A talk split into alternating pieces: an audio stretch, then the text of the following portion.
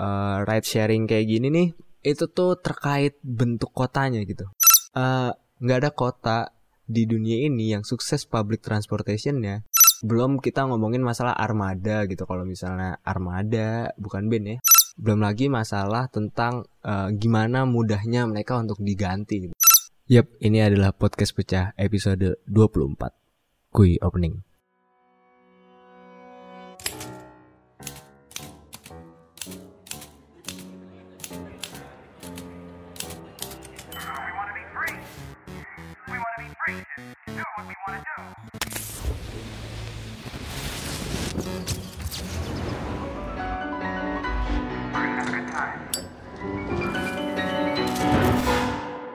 You're listening to Podcast Pecah.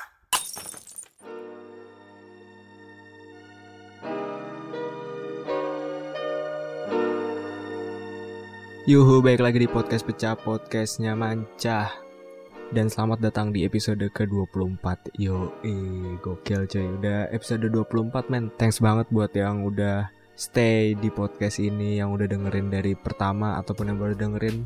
Ya gue terima kasih lah Karena kalau nggak ada yang dengerin ya mungkin Gak tahu mungkin dua episode juga gue udah kelar gitu. Uh, Terutama buat uh, temen-temen podcaster yang lain uh, podcast Indonesia yang dari Line Square Podcast Indonesia. Karena gue yakin banyak ya orang yang dari maksudnya yang dengerin podcast gue tuh sebenarnya juga punya podcast gitu. Jadi ya thank you buat kalian semua yang sudah mendengarkan lah pokoknya. Karena again kalau nggak ada yang dengerin juga gue nggak bakal nyampe episode 24 ini karena kalau udah di episode 24 berarti gue udah 6 bulan gitu nge-podcast. Dan itu tuh membuktikan kalau anjing gue tuh ternyata baik bacot juga ya. Tapi ya ya semoga kagak gimana gimana lah ya gitu. Maksudnya ya ada manfaatnya sedikit. Ya mungkin 10% aja lah gitu. Yang 90% nggak ada manfaatnya ya nggak apa-apa. Uh, apa ya? Gue kali ini mau ngomongin tentang ojek online cuy salah satu apa ya revolusi dari abad 21 nih sekut banget lah. Pokoknya maksudnya kok pokoknya maksudnya apa sih?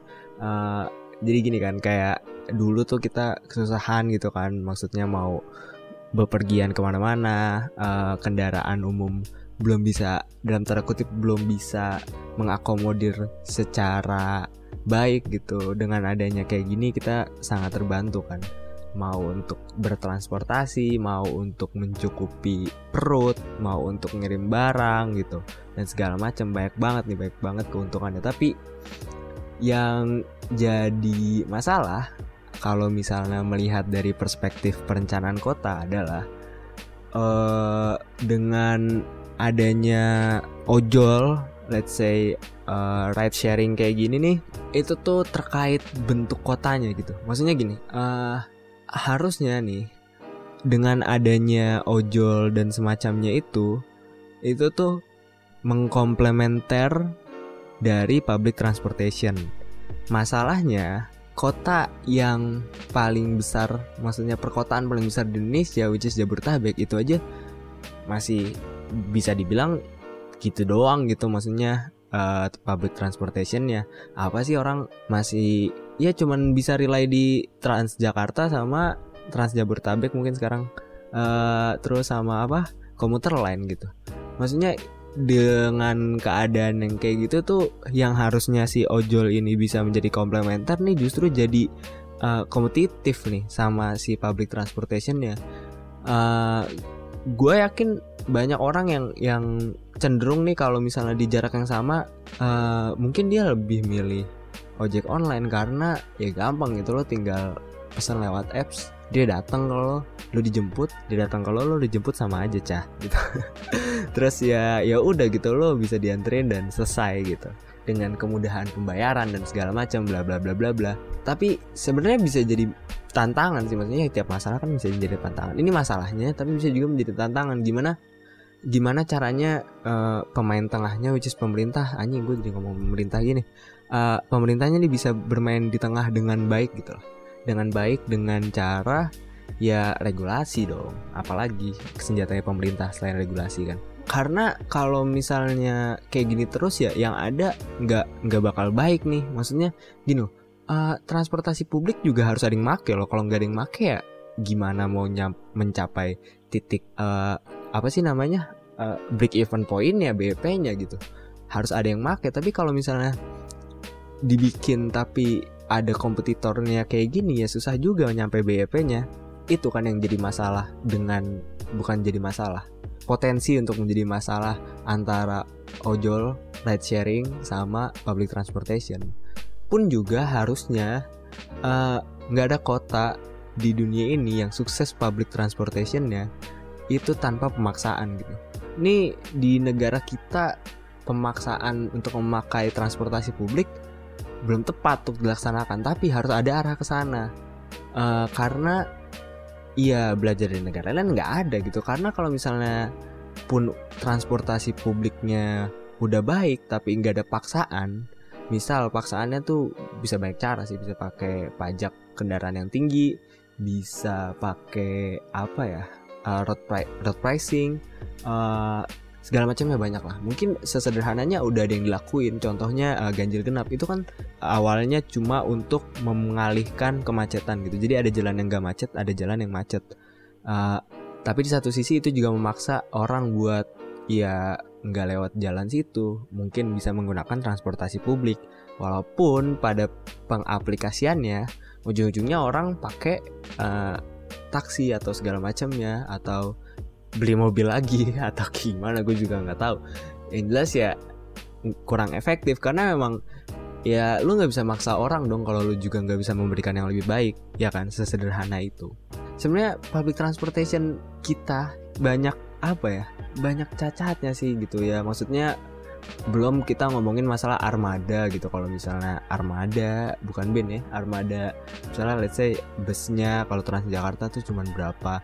Sebenarnya di daerah-daerah lain udah ada yang bagus. Kayak misalnya di Surabaya tuh di Surabaya kan ada bus ya bus kota yang bisa dibayar cuman pakai uh, sampah gitu. Kalau nggak salah tuh uh, dua botol uh, air mineral yang satu setengah liter deh. Itu tuh bisa lo naik itu tuh. Itu gokil naik kayak gitu tuh. Itu tuh lumayan tuh. Orang paling nggak uh, bisa ada pilihan gitu. Ini jelas nih gue bayarnya cuma tinggal pakai sampah gitu kan. Orang mungkin willingness to use public transportation makin tinggi gitu kan. Yang kayak gitu tuh contoh yang bagus tuh di Surabaya. Uh, kalau misalnya konsep sebenarnya uh, udah bagus yang dipakai di Jakarta which is uh, Transjakarta gitu. Cuma kan banyak tuh ya uh, apa sih namanya orang-orang yang masuk ke jalur Transjakarta itu kan masalah lain tuh. Nah kalau nggak salah di negara mana ya di Turki apa di mana gitu gue dikasih tahu sama orang itu tuh dibalik gitu cuy. Jadi nih lu bayangin kayak misalnya pasti kan sejalur ya. Misalnya bus Transjakarta arahnya ke mana gitu. Pasti sejalur sama jalur yang bukan bus Transjakarta. Nah, tapi kalau di negara itu, itu bus Transjakarta yang ngelawan arusnya gitu. Kan dia nggak apa-apa ngelawan arus dong, orang jalannya khusus. Nah, jadi yang mau masuk ke dalam jalur, nah itu tuh ngeri juga cuy. Kayak anjing ini nih bisa bisa maju gini nih. Ya pokoknya itu juga trik sederhana yang bisa dilakukan gitu. Secara konseptual sudah bagus, tapi uh, mungkin uh, dengan apa ya? Dengan kemacetan yang sama orang juga jadi males gitu walaupun harganya kayak murah gak sih? Murah kan? Berapa sih? Bus Transjakarta gue tuh baru beberapa kali nih gitu. Kayak dua setengah tiga setengah ya? Apa lima ribu? Ya pokoknya segitulah. Itu yang yang baik. Nah kalau misalnya ngebahas tentang uh, apa namanya? Ojek online uh, yang kita sebagai penggunanya gitu itu tuh sebenarnya sangat diuntungkan kan dengan harga yang cenderung murah uh, kompetitif lah gitu dibandingkan public transportation ataupun ya kalau misalnya mobil berarti sama taksi kalau motor sama ojek pangkalan. Segala macamnya itu lebih diuntungkan gitu dengan kemudahan-kemudahannya tapi uh, kalau misalnya dari perspektif drivernya itu tuh bisa dipertanyakan gitu karena gue baca gitu artikel uh, tentang berapa sih kira-kira pendapatan pendapatan hmm, apa driver ojol dalam satu bulan di Jakarta itu tuh kalau nggak salah 3 sampai 4 juta gitu lah. Ada arti gue lupa sih kalau nggak salah intinya gitu lah 3 sampai 4 juta sekian. Yang mana itu tuh kan 3 sampai 4 juta gitu. Berarti ada momen di mana dia lebih dari uh, eh, UMR Jakarta, UMR Jakarta 3,6. Nah itu tuh ada momen dia lebih dari uh, UMR Jakarta ada momen di mana dia kurang dari UMR Jakarta. Dia dapat segitu aja dia mesti uh, di artikel itu si mas-masnya mungkin uh, dia harus kerja selama 11 jam gitu dari 9 pagi sampai 8 malam. Pokoknya sekitar segitu 11 jam. Men lu bayangin 11 jam gitu kalau orang kerja itu paling berapa sih? 9 to 5 gitu kan? Paling berapa jam sih? 8 7 jam segitu lah. Dan dia kerja 11 jam per hari selama sebulan penuh tanpa libur gitu. Itu men lu bayangin dia udah kayak gitu penghasilannya masih ya sekitar segitu gitu loh. Dulu sih katanya ya gajinya tuh sampai berapa sih? 8 juta 10 juta wah gokil. Tapi kalau sekarang kan harga kalau nggak salah tuh dulu tuh waktu segitu satu kilometer tuh 3000 kalau sekarang tuh satu kilometer tuh 2000 dan dipotong sama biaya uh, perusahaannya 20% makanya biayanya jadi segitu. Belum lagi pengeluarannya. Itu kan ya yang jadi jadi pertanyaan. Maksudnya uh, Gojek atau Uber udah nggak ada uh, apa Grab itu kan bukan perusahaan transportasi. Dia nggak punya kendaraan.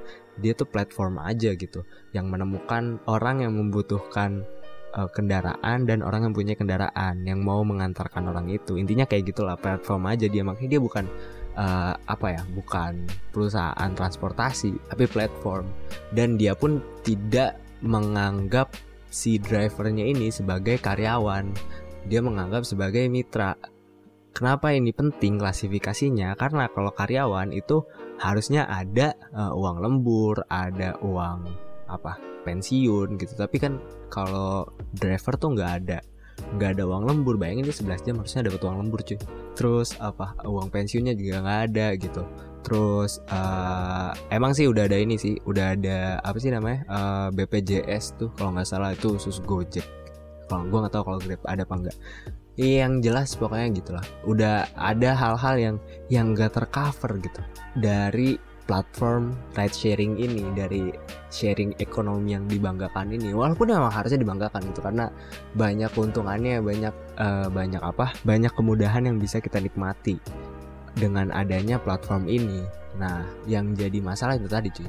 Gimana kesejahteraan si drivernya ini? Mau sampai kapan dia? Mau sampai 10 tahun dia mau jadi driver gitu dia nggak bakal jadi yang punya gojeknya kan. Maksudnya kalau misalnya bisnis sederhana ya kalau lu memberikan modal lu berarti kalau dalam konteks ini si driver memberikan modalnya berupa kendaraan harusnya lu mendapat untung juga dari keseluruhan perusahaan. Tapi kan nggak gitu kan.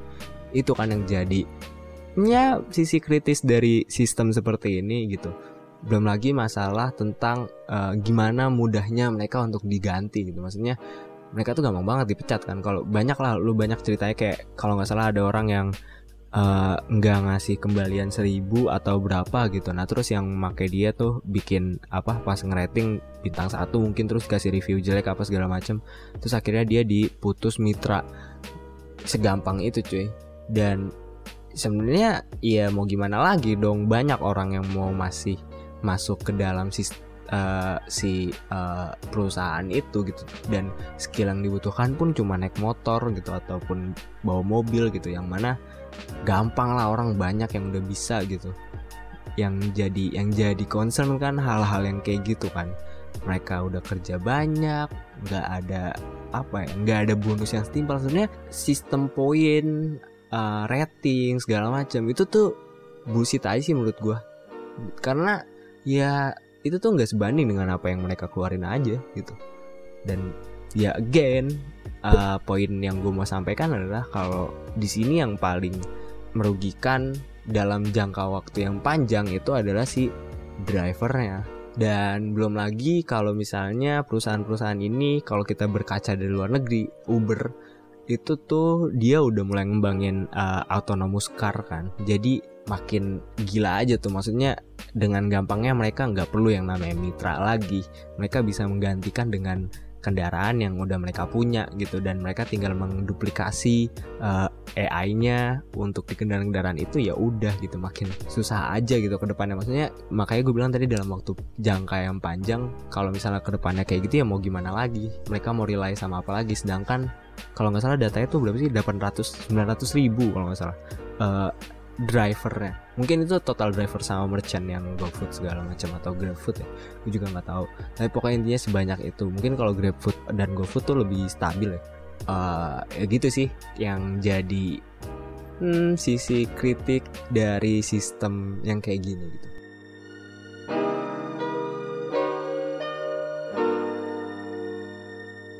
Terus apa yang bisa kita lakukan? Hmm, nggak tahu gue juga cuy. Uh, kalau masalah tadi terkait gimana si ojol ini sama kondisi perkotaan uh, saat ini dan di masa depan itu tuh mesti butuh banget political will yang sangat besar gitu untuk menyiapkan kotanya seperti itu. Walaupun kalau aja gue nggak tahu sih ada nggak ya kerjasama ya pemerintah sama uh, perusahaan-perusahaan ride sharing gitu karena itu penting banget tuh. Ada pokoknya intinya ada namanya uh, data origin destination gitulah itu tuh penting banget gimana akhirnya itu bisa membantu perencanaan kota untuk masa depan. Mungkin harusnya again ini bukan masalah kita lagi. Tapi ya kalau misalnya itu bisa di share terkait data origin destination orang-orang uh, yang memakai uh, jasa ojol ini itu bakal sangat membantu perencanaan kota di masa depan tapi lebih daripada itu yang harusnya disiapkan adalah public transportationnya. Dan habis public transportationnya disiapkan baru masyarakatnya dipaksa. Pajak mobil dinaikin pajak motor dinaikin harga bensin dimahalin apa segala macem. Uh, iya itu bisa memaksa orang buat pakai public transportation instead of private transportation. Kayak gitu. Dah ya kayak gitu aja. Uh, ya semoga lo bisa mendapat suatu hal yang bisa dinikmati di sini. uh, again, gue mau terima kasih buat kalian semua yang udah mendengarkan sampai episode 24 dan uh, kalau mau email jangan lupa email ke podcastpetjah@gmail.com p o d c a s t p e t j h gmail.com dan terakhir seru nggak seru? Pecahin aja. Deh